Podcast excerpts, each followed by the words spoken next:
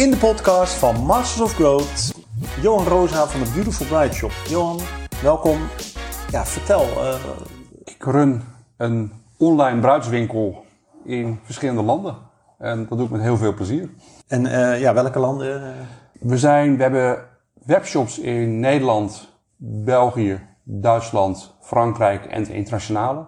En met de Duitse bedienen we ook de Oostenrijkse en de Zwitserse markt. En, en, met de Franse de, de, de Wallonische markt.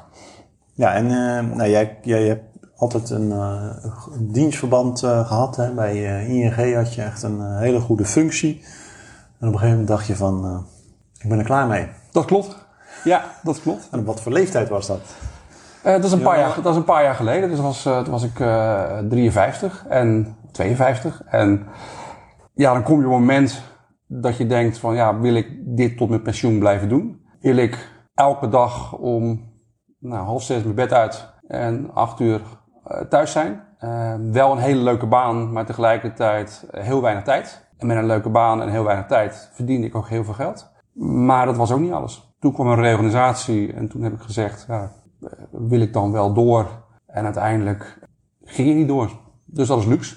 Ja, ja en jouw vrouw uh, die, die had al een bedrijf in de, in de trouwbranche.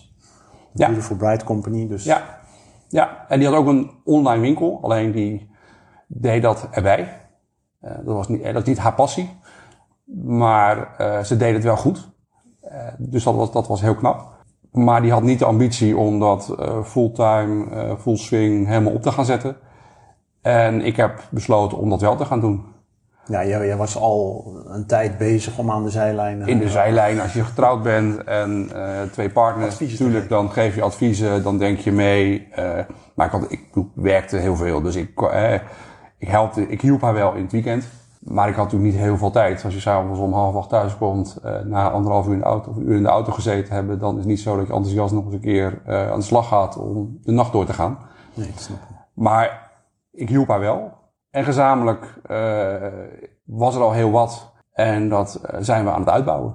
Ja, want kan je daar iets over vertellen over de groei? Het, het liep al snel. Dus Marianne realiseerde al een omzetgroei van tussen de 40 en de 60 procent per jaar. Dus dat is al heel veel. Het laatste jaar is het door corona wel minder geweest. En die daling, uh, die hebben we eigenlijk op weten te vangen met uh, andere keuzes, met uitbreiding van het assortiment, uitbreiding van doelgroepen. Waardoor we uiteindelijk een stijging van een procent of tussen de 5 en 10 procent gerealiseerd hebben. Daar zijn we heel blij mee. En nu met corona, de tweede lockdown, winkels uh, zijn dichtgegaan. Uh, heel veel mensen denken na over een webshop. Ja, waar moeten ze beginnen? Of gewoon niet beginnen? Dat is, een, dat is een goede vraag. Als je naar uh, meneer Zwart luistert van Coolblue, die geeft aan, begin er niet aan. En waarom? De marge die wordt in de media vaak overdreven. Want uiteraard, als je het vergelijkt met een gewone winkel, hebben we geen winkelpand. Maar we hebben wel verzendkosten, we hebben dure, dure reclame of totale marketingkosten. De website is niet goedkoop. Dus weet waar je aan begint. En accepteer ook dat het heel veel inspanning kost om het op te gaan zetten om, en vervolgens geld aan te gaan verdienen. En als je dat voor elkaar krijgt, als je die inspanning wil leveren, ja, dan is het heel interessant. Maar een webshop openen in de verwachting dat het gelijk gaat lopen, dat is een illusie. Het kost tijd. Ja. Even erbij doen. Al. Even erbij doen. De winkel dicht is. Uh... Ik geloof daar niet in. Ik denk dat als je een winkel hebt en je gaat er een webshop naast openen, dan is het zo dat het publiek wat misschien naar je winkel komt, denkt van hé, hey, ik kan dat artikel ook online kopen. Dus ik denk dat dat een voordeel is als je al een winkel hebt. Maar dat je dan daarnaast nog heel veel ander publiek trekt, wat normaal gesproken jouw winkel niet had gevonden in de oude situatie, dat is niet zo. Daar geloof ik niet in. Uh, jij zit, uh, ja, hoe moet ik dat zeggen? Uh, een beetje in het midden van de, van de webshop. Ja, we hebben natuurlijk de Amazon, de Coolblue, de hele grote. En ja, jullie zijn zeker niet klein. ja, waarom is jullie webshop wel een succes? Omdat wij er in eerste instantie voor gekozen hebben om internationaal te gaan. Dus wij hebben heel bewust gekozen om in meer landen te starten. En de reden daarvoor was dat wij zitten met bruidsartikelen, hè, dus trouwartikelen, zitten wij in een niche. En als je kijkt naar de Nederlandse markt, is die niet zo verschrikkelijk groot. Er trouwen ergens tussen de 40 en de 60.000 mensen in Nederland eh, per jaar, of, of stellen trouwen dan. En een deel daarvan doet het, hè, die pakt uit, die doet, die het groot. En die kopen ook uh, de spulletjes ervoor. Maar het is niet zo'n grote markt. Dus puur kijkend naar Nederland hadden wij het niet gered met online winkel. Dus we hebben ook die andere landen erbij genomen. Niet gered in die zin dat je er geen... Uh, Daar zouden zou er geen fulltime baan van kunnen maken. Je kan er wel fulltime aan werken, maar je haalt er geen fulltime salaris uit. Ja, een zakcentje of een... Uh... Ja, dan wordt het hobbymatig. En het probleem dan is dat je eigenlijk onvoldoende inkomen hebt of onvoldoende cashflow hebt om uiteindelijk ook je investeringen te kunnen doen. Om de webshop technisch goed te maken. Want dat is een belangrijk startpunt. De webshop moet technisch goed in elkaar zitten om ook daadwerkelijk door Google opgepakt te kunnen worden. En vervolgens moet je je SEO, dus je Search Engine Optimization, moet je op orde hebben. En daarnaast ook nog je advertenties, je Search Engine Advertising, moet je op orde gaan krijgen. En dat bij elkaar zorgt ervoor dat je omzet gaat krijgen. Als je één van die drie niet hebt, wordt het al ingewikkeld. Dan verdien je geen geld. Dus ik denk dat heel veel startende webshops hobbymatig blijven of erbij, omdat er ja, gewoon onvoldoende inkomen is. En dan zijn natuurlijk altijd de uitzonderingen van mensen die een verschrikkelijk uniek, leuk product zelf ontwikkelen. Dan is het zo dat het succes komt vanuit het unieke product wat ze hebben ontwikkeld. En niet vanuit dat er een hele goede webshop misschien is. Maar in, als je een online winkel, zoals wij dat hebben, dan komt er meer bij kijken dan alleen maar een website openen of starten en vervolgens uh, wat producten erin zetten. Ik vergelijk dat altijd met op het moment dat je een winkel opent, ergens een achterafstraatje. Je vertelt tegen niemand dat je er bent, komt de hele dag niemand. Ja, want, want jullie zitten natuurlijk in een niche. En dat zal een voordeel zijn, dan ook een nadeel, omdat je dan een heel klein marktaandeel kan ja, pakken. Dat klopt. Is het dan dus ook zo dat je eigenlijk met een niche nog wel een goede webshop uh, zou kunnen draaien, um, maar dan dus ook naar het buitenland moet? Begrijp ik dat?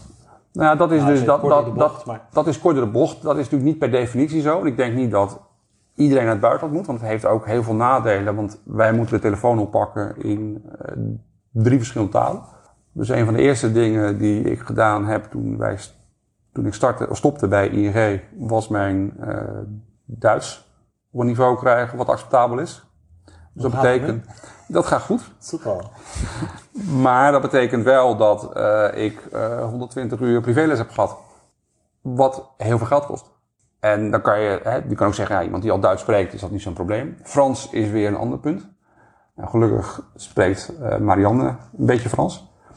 Maar dat is al ingewikkelder. Zijn jullie in Frankrijk actief? Wij zijn in Frankrijk actief. Ja. En wij zijn daar, uh, Marianne is daar vorig jaar begonnen. En dit jaar zou het echt van de grond moeten komen. Maar door corona, door de lockdown die in Frankrijk steviger was dan in Nederland, is dat minder hard gegaan dan verwacht hadden. Maar ja, het begint wel te lopen. Even terug. Het beste is om meteen in het buitenland beginnen, dat, dat hoor ik je zeggen. Maar ja, dat, dat is natuurlijk nogal wat. Je hoort natuurlijk heel vaak van, uh, ga eerst nou eens in Nederland proberen of het werkt. En dan uh, kan je je vleugels spreiden. Maar ja, hoe kan je dan als startende webshop-eigenaar er toch een succes van maken? Nou, dat is misschien niet zo heel makkelijk te beantwoorden. Maar... Nee. ik denk dat ik denk niet dat iedereen per definitie direct in heel veel landen moet beginnen. Ik denk dat dat niet zo is. Ik denk dat er heel veel voorbeelden zijn van mensen die dat niet gedaan hebben. En zelfs dat er, dat, dat soms een goede keuze is om het helemaal niet te doen. In ons geval vonden wij dat wel en hebben wij dat gedaan. Dat betekent ook dat wij de aandacht moesten verdelen over meer landen. Dus dat, het per, dat de snelheid van Nederland, het ontwikkelen van Nederland minder snel ging dan we misschien gehoopt hadden. Dus onze aanloop was veel langer, omdat we onze tijd moesten verdelen over meer talen. Dus het maakt het ook complexer. Dus ik denk dat het, als je, als je marktomvang groot genoeg is, begin alleen in Nederland en België en gaat dan andere landen laten toevoegen. Maar in ons geval hebben wij berekend dat die markt onvoldoende is om hè, dat uh, op die manier te doen. Het succes maken van je website of van je webshop is volgens mij een, duidelijke keuze van wie is je doelgroep. Op welke markt je je. Vervolgens het juiste assortiment juiste producten, uh, juiste productgroepen uh, samenstellen en vervolgens uh, de website zo organiseren dat Google of andere marktplatformen waar je op gaat, waar je, waar je op gaat focussen, het daadwerkelijk oppakt. Hè, inclusief social media. En dat laatste is, is soms moeilijk omdat het niet gelijk rendement oplevert. Eh, maar het is wel een belangrijke. Dus het regelmatig posten, uh, zorgen dat je daar actief in bent, is wel degelijk heel belangrijk. Want um, kunnen we concluderen, stel je voor, je wil een webshop in kleding beginnen, dat dat heel moeilijk is en dat je beter een niche kan vinden of zoeken? Ik denk het wel. Ik denk dat je dat dat specialisatie, dat dat eigenlijk de enige manier nog is om, uh, om, om een goede webshop uh, ik denk te stampen. Ja, ik denk het wel. Maar dat geldt niet alleen voor webshops. Ik denk dat het voor elke business geldt. Dat, uh, het, ja, want een Amazon of een Coolblue, die gaat niet zo specialistisch. Steeds meer. Denk, ja, dus- uiteindelijk Amazon natuurlijk. Dus uiteindelijk wedijveren wij wel degelijk ook met Zalando en Amazon voor bepaalde productgroepen. En wat je steeds meer ziet is dat die partijen deze producten in het schap zetten. Omdat of, hè, omdat, omdat, nee, omdat uh, soms de, dat derde partijen op hun platform daarmee gaan adverteren. Dus Amazon, hè, die, de, het grootste deel zijn derde. Dat geldt hetzelfde voor Zalando inmiddels. Dus dat is een reden. Een tweede reden is dat, ook al is het rendement misschien voor hun niet groot genoeg, dat ze die klanten volledig willen kunnen bedienen. Dat is in ieder geval wat ik denk wat de strategie is daarachter. Dus als voorbeeld bruidschoenen wedijveren wij met elke, in elke markt, ook met Zalando, met Amazon en met andere partijen die groot zijn. En die hebben natuurlijk veel meer budget, die hebben veel meer kennis, denk ik. En dat is moeilijk. Maar niet onmogelijk om daarmee te concurreren. En, en hoe, ja, hoe doe je dat? Ja, wat ik eerder al zei, het begint met een goede website. Dat geldt voor zowel een webshop als een gewone website. Eh, je moet zorgen dat het, dat het technisch goed op orde is. Als dat niet zo is, dus als die te langzaam is, als die uh, technisch niet goed in elkaar zit, dan nou ja, zal die door Google niet goed opgepakt worden. Vervolgens is het van belang dat alle content die op die site staat, dusdanig gemaakt is dat het voor de doelgroep interessant is. En eigenlijk is dat search engine optimization. Waarbij het vroeger zo was dat er een soort, hè, dat je de, de zoekwoorden uh, ging te spammen in, op de pagina's. En dat daarmee Google het oppakte. Nou, Google wordt, de zoekmachines, de algoritmes van Google worden steeds slimmer. Dus het uitgangspunt is dat de content die op je website staat interessant is voor de doelgroep die op dat specifieke onderdeel zoekt. Daar ook heel erg in specialiseren. Ik kan me zo voorstellen dat, dat jullie specialistischer content hebben als uh, een uh, Zalando. Ja, maar op, een, op de pagina van bruidschoenen heeft Zalando natuurlijk ook informatie over bruidschoenen. Wat ze ook heel goed doen. Wat is hun kracht? En die hebben ook veel meer tools dan wij hebben. Ik denk dat ze ook hè, zelf ook uh, nou, informatiebronnen of tools hebben om die teksten te kunnen schrijven. Maar ik denk ook gewoon dat het normale tekstschrijvers zijn. Maar die gaan daar natuurlijk ook gewoon in mee. En dat geldt voor Amazon ook.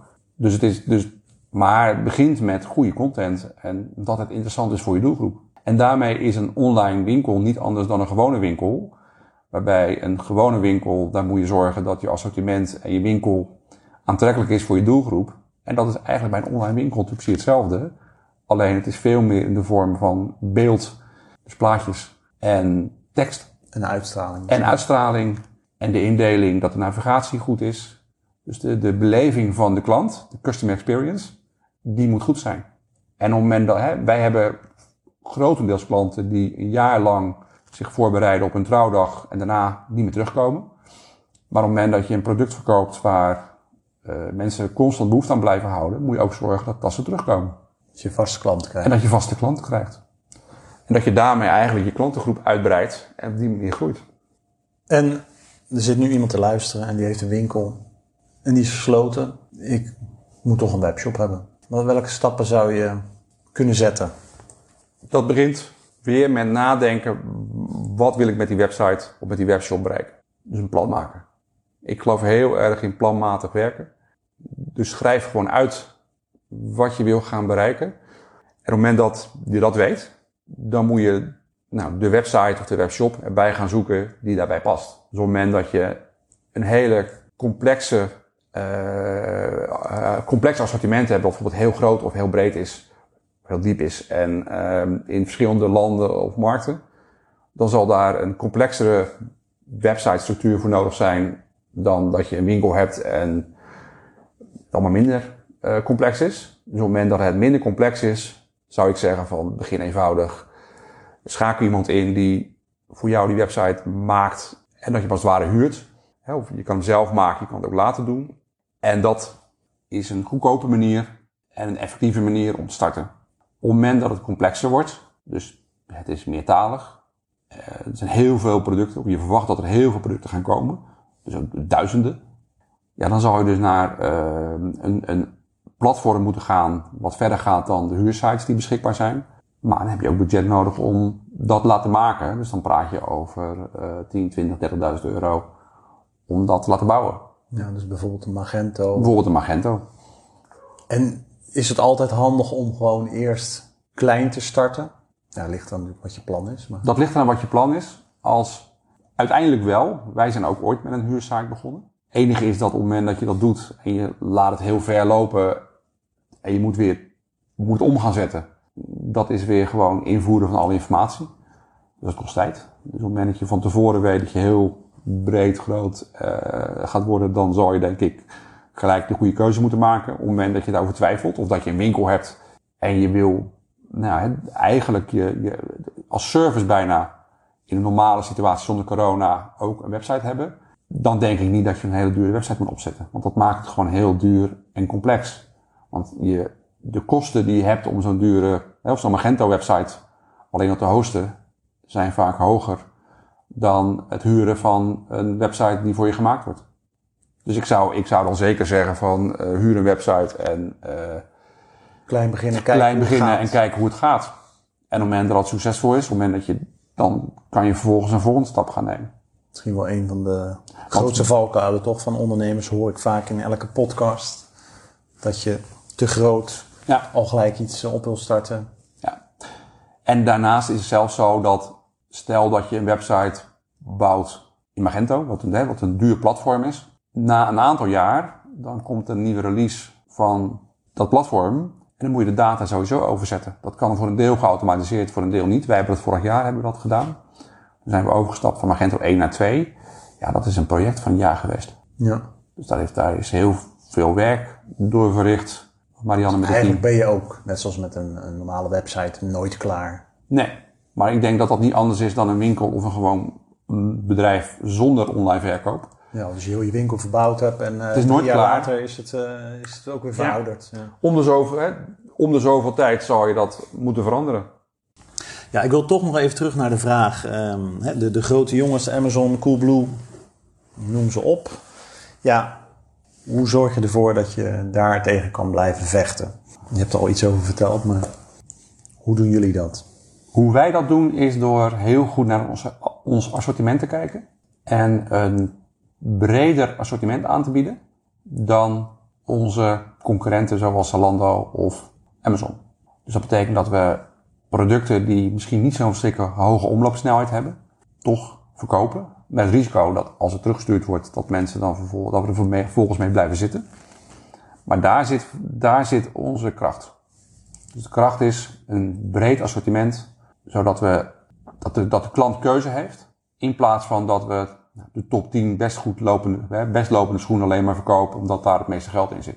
Dus de klant kan veel meer kiezen bij ons. kan je ook minder goed in onderscheiden dan uiteindelijk. Ja, dat klopt. Want dan is het prijs voornamelijk. En het grote verschil tussen ons en Zalando, er zijn wel heel, heel, heel veel meer verschillen, maar een belangrijk verschil is de naamsbekendheid. Op het moment dat je nog nooit getrouwd bent, of hè, daar nog niet aan toe bent, dan heeft iemand nog nooit van de Beautiful Bride Shop gehoord. Maar iedereen heeft wel van Zalando gehoord. Dus het hele branding is voor ons wel heel moeilijk. En dat is ook heel duur. Wij, kunnen, wij hebben geen geld om op televisie reclame te maken. Daar hebben we gewoon het marketingbudget niet voor. Nee. En dat zou ook nog eens een keer moeilijk zijn, omdat onze klanten nou, een jaar bezig zijn met de voorbereiding van hun trouwdag. En daarna moet je de volgende groep hebben. Dus dat betekent dat je voor hè, de branding is niet cumulatief, maar is eenmalig voor een klant. En dat, maakt, dat zou het heel duur maken. Ja, want ik, ik ken jou natuurlijk al langer en um, ja, jij kijkt er ook heel uh, economisch tegenaan. Hè?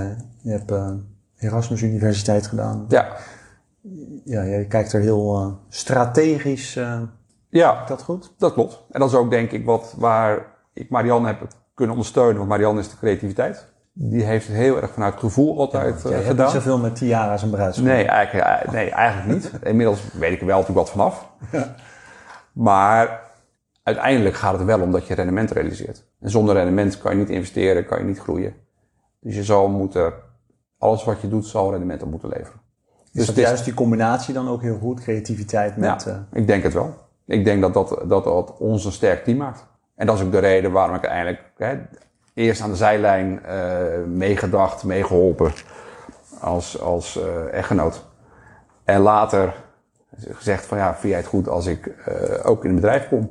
En dat vond ze goed. gelukkig. Ja, en het gaat, het gaat ook goed. Dus dat, ja, dat is wel uniek, denk ik. Ja, wel leuk. En heel leuk. Ja, het is heel leuk. En Marianne die heeft, ja, die heeft creativiteit en die maakt verschrikkelijk mooi werk eh, met haar team. En heeft ook ja, een goede visie over wat mooi is. Dat zou ik niet kunnen. Maar het technische stuk en hoe we vervolgens dat ook verkocht moeten krijgen, dat ligt veel meer bij mij. Hey, en als je nou, eh, nou, je hebt een winkel en je wil die webshop beginnen, is, is dat dan ook niet anders als je een winkel hebt en je hebt al vaste klanten? Eh, daar heb jij natuurlijk niet zo heel veel ervaring mee, omdat jullie geen fysieke winkel hebben. Nee, Maar zou dat anders zijn? In principe niet. Er is één ding wat heel anders is. Wat je je af moet vragen, stel je staat de hele dag in de winkel. Wie gaan dan die webshop onderhouden? Ben je in staat om dat erbij te doen? Of heb je er iemand voor nodig? En als je iemand ervoor nodig hebt, hoeveel tijd gun je dan om die webshop rendabel te maken? En op het moment dat de doelstelling is om, komen we weer alleen maar het als service aan te bieden. Dus je bestaande klanten die op jouw bestaande website komen, die verwijs je door naar je webshop. Moet je alleen zorgen dat de producten erin komen. Op het moment dat je ook mensen van buitenaf wil trekken, is er veel meer inspanning nodig, maar dat kost tijd. Ja. Dus binnen de Beautiful Bride Shop zitten aardig wat mensen de hele dag op producten in te voeren, of teksten te schrijven, producten te verbeteren, foto's aan te passen, foto's te maken. En dat kost tijd. En dat moet ook, zeker in het begin als je een webshop opent, is dat niet direct rendabel. Dus ben je bereid ook om die investering te doen? Qua tijd en geld.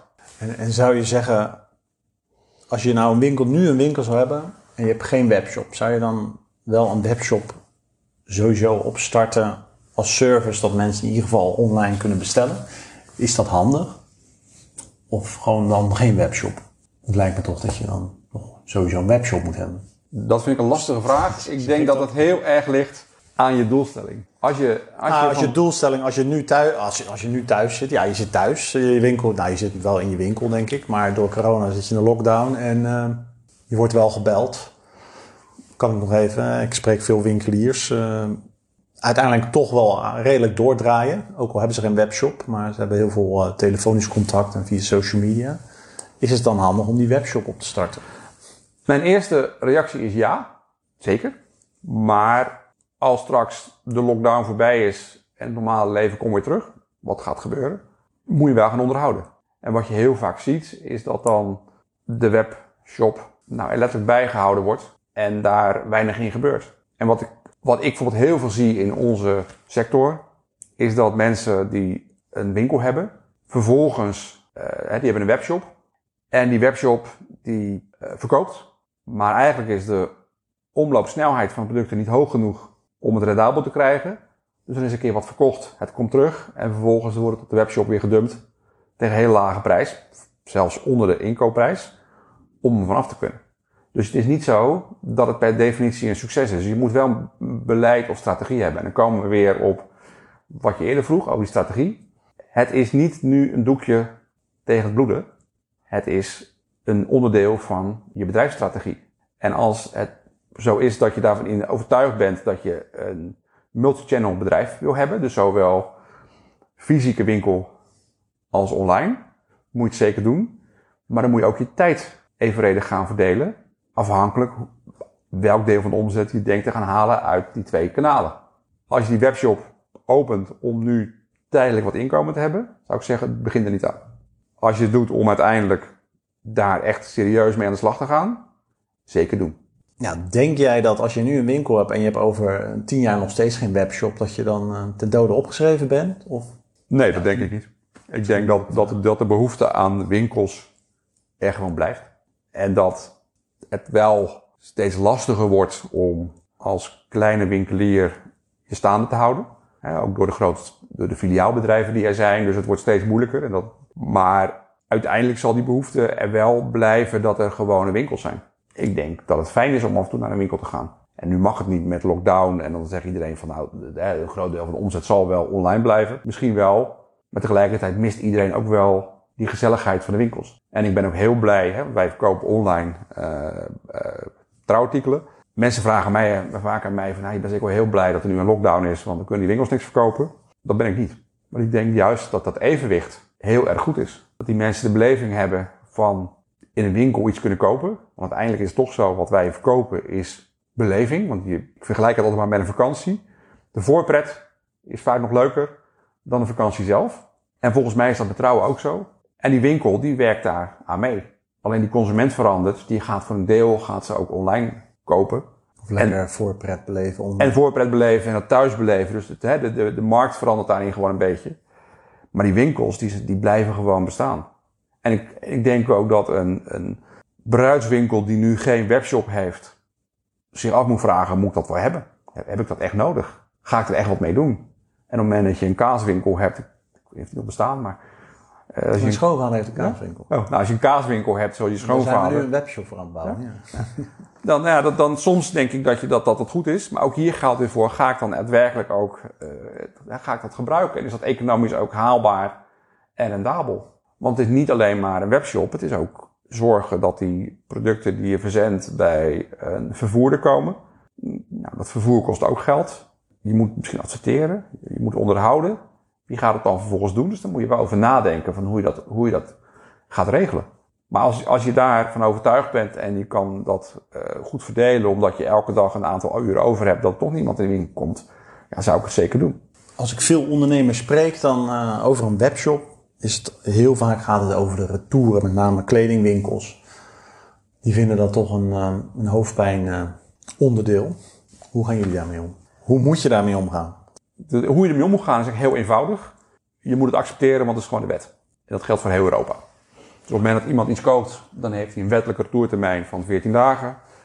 Je ziet dat Zalando dat opgerekt heeft naar uh, eh, 90 of 100 dagen. En de reden voor deze partij om dat zo te doen is omdat uh, hoe langer de retourtermijn is, hoe minder grote kans dat teruggestuurd wordt. Want mensen vergeten het. Nee, mensen die vergeten het niet. Maar als je maar 14 dagen de tijd hebt en je twijfelt nog, dan is de gedachte, nou laat ik het maar terugsturen.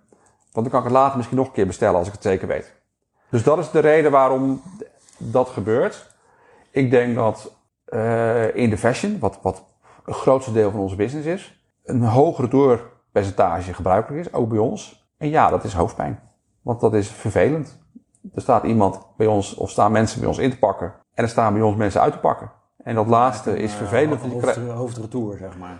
Die is hoofdretour. En die dames doen dat, die doen, dat, die doen dat heel erg goed. Die zorgen dat het allemaal netjes weer uh, verwerkt wordt. Keuze maken wat goed genoeg is en wat niet goed genoeg is om weer te verkopen. En niet iedereen gaat daar, hè, de meeste klanten gaan daar heel zorgvuldig mee om. Maar een deel ook niet. En dat is vervelend. Maar het hoort er ook bij. Dat, dat is een deel van de business. Op het moment dat je dat niet wil of niet tegen kan, ja, dan moet je er niet aan beginnen. Maar het, is, het hoort er wel bij. Heb je dan in het begin gedacht van, dit werkt niet, alles komt retour? Nee, dat hebben we nooit gehad. We hebben wel producten, productgroepen waar we denken van, hoe moet het anders doen om te zorgen dat we minder retouren hebben? Hebben wij de klant geïnformeerd? Is, zijn we niet duidelijk genoeg? Neem een schoen die niet lekker zit. Ja, dan moet je, moet je niet online verkopen. Misschien moet je hem sowieso niet verkopen. Maar daar zijn we wel steeds kritisch op geworden, ook richting uh, leveranciers. En de klant is ook super kritisch. Op het moment dat hij iets krijgt en hij vindt de prijs-kwaliteit verhouding niet goed genoeg, gaat het terug. De, en dat is ook logisch. En ze, hebben jullie in de, in de jaren, zeg maar, uh, dat verbeterd? Ja. En dat is een constant doel ook? Dat is een constant doel. Uh, Marianne heeft vorig jaar een stagiaire gehad voor een periode van zes maanden, vijf, vijf of zes maanden, een onderzoek gedaan heeft naar het retourbeleid en hoe we dat kunnen verbeteren. En dat heeft ook daadwerkelijk iets opgeleverd. In betere communicatie, in meer inzicht. En dat is een continu proces. En daar zijn we nu ook mee bezig. Er zit nu uh, iemand uh, bij ons te werken die voor een periode van drie maanden bezig is om voor drie productgroepen te kijken hoe we de informatie kunnen verbeteren, zodat de klant de keuze beter kan maken. En wij zitten wat dat betreft ook in een misschien wel unieke sector, omdat de online verkoop in de trouwbranche, dus met name de fashion van, het, van de bruidsartikelen, eh, minder gebruikelijk is dan in de gewone fashion. Dus heel veel dingen die zijn we nog letterlijk aan het ontwikkelen. Hoe, hè, als voorbeeld, hoe kies je een trouwjurk uit online? En de meeste gewone bruidswinkels zullen zeggen, ja, dat kan helemaal niet. Je kan geen bruidsjurk online kopen. Maar een aantal grote partijen uh, internationaal, die bewijzen het tegendeel. Dus ik denk ook dat het kan. En ik geloof er ook in dat dat uh, steeds meer gaat gebeuren. Ja, hoe dan ook gaat dat een keer hoe, hoe dan ook gaat dat gebeuren. En die klant die vraagt daarom. Maar als je dan iets krijgt wat normaal gesproken heel erg aangepast moet worden, dan snapt die klant niet wat hij krijgt. Dus het is het product wat je levert moet ook anders zijn dan het standaard product wat nu in de winkel ligt. Dus dat vraagt iets. Ja. En daar zijn we nu mee bezig. Dat, dat, dat, dat lijkt goed te gaan functioneren. Hey, nog even terug naar die retouren. Dan kunnen ze dat bij jullie dan kosteloos uh, nee. retour sturen? Heb je, test je daar ook mee?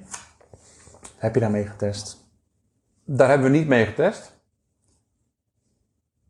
Ook hierin zit een groot verschil tussen de Zalando's eh, van deze wereld en wij als relatief bij kleine partij. Is nog steeds kosteloos Ja, Zalando is kosteloos retouren. Uh, bij ons niet. Gelukkig in onze sector is er geen enkele partij die momenteel kosteloos retourt. Of retour accepteert. Of in ieder geval dat de, hè, dat de klant, uh, ja, de klant, dat, we, dat, dat de verzender ook de retour uh, betaalt. Het lastige bij ons is, de klant koopt eenmalig een paar schoenen. En op het moment dat dat gratis zou worden, dus de retourzending wordt gratis, is de verwachting, en dat hebben we wel getest, dat er veel meer, nou, noem het fun shopping komt, of ik bestel vier keer en ik stuur alle vier keer terug. En dat is een risico, want dan ga je, dan ga je marge enorm onderuit. En dan wordt de rentabiliteit, rentabiliteit van je bedrijf echt een stuk lager.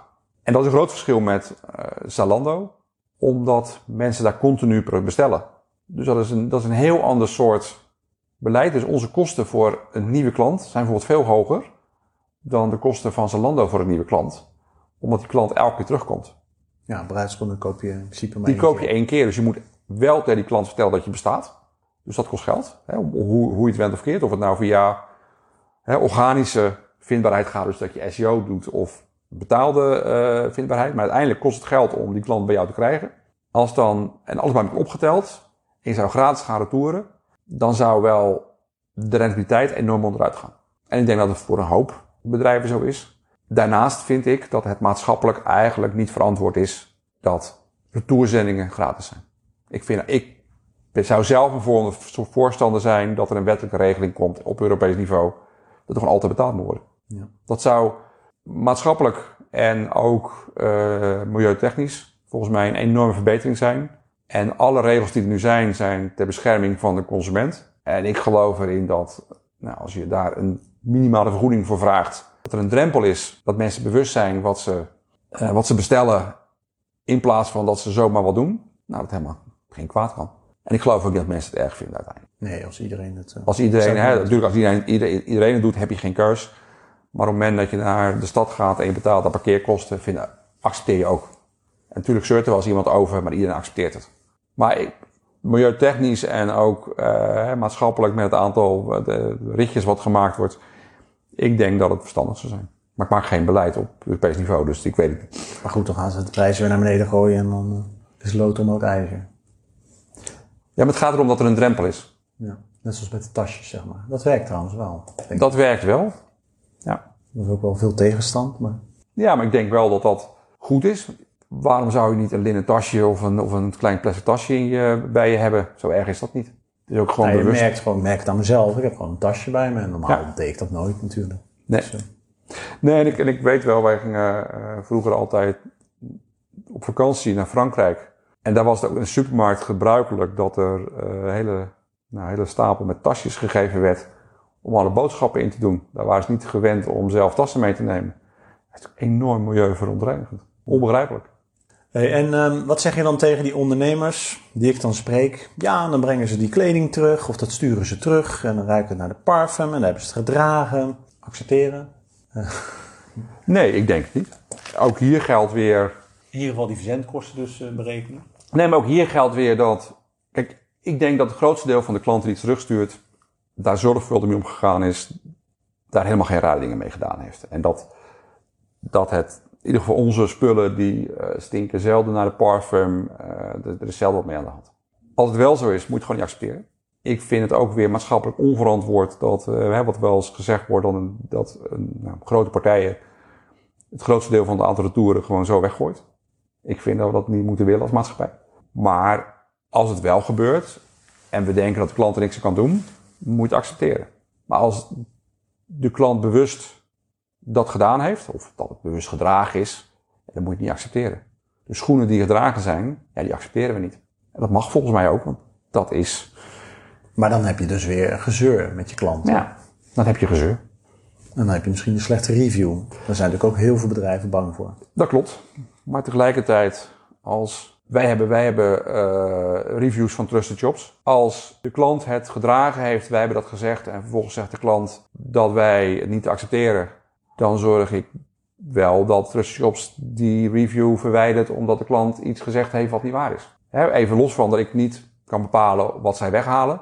Maar ik zou het niet accepteren van Trusted Jobs dat dat gebeurt. Ik heb het nooit meegemaakt dat dat gebeurt. Ik heb wel een keer meegemaakt dat eh, bijvoorbeeld een klant had een bericht ge- gezet op een review dat wij nou, ergens een fout gemaakt hadden niet, die we niet gemaakt hadden. Ja, en dan haalt Trusted Jobs het wel weg omdat het gewoon onterecht is. Maar goed, dat zijn denk ik ook de standaard problemen die elke ondernemer heeft met Ja. klanten. Ja. Ja, maar als jij een winkel hebt en je verkoopt iets, de klant komt terugbrengen, kaartjes eraf, ga je het dan wel niet accepteren. Dat is hetzelfde gezeur. En dan staat die meneer of mevrouw tegenover je. Dat is nog moeilijker. Nou, Johan, eh, ja, we gaan afsluiten. Een laatste vraag. Waar, eh, ja, waar zie je jezelf eh, met Marianne over vijf jaar? Met name businesswijs.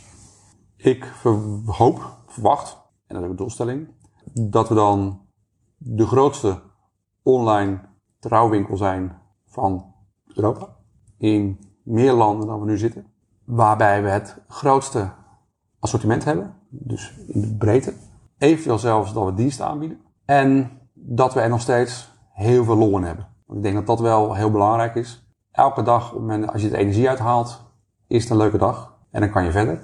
Dus dat is een belangrijke. En ik denk ook dat wij eh, waarschijnlijk ook uit gaan breiden naar andere eh, markten. Dus met name andere sectoren.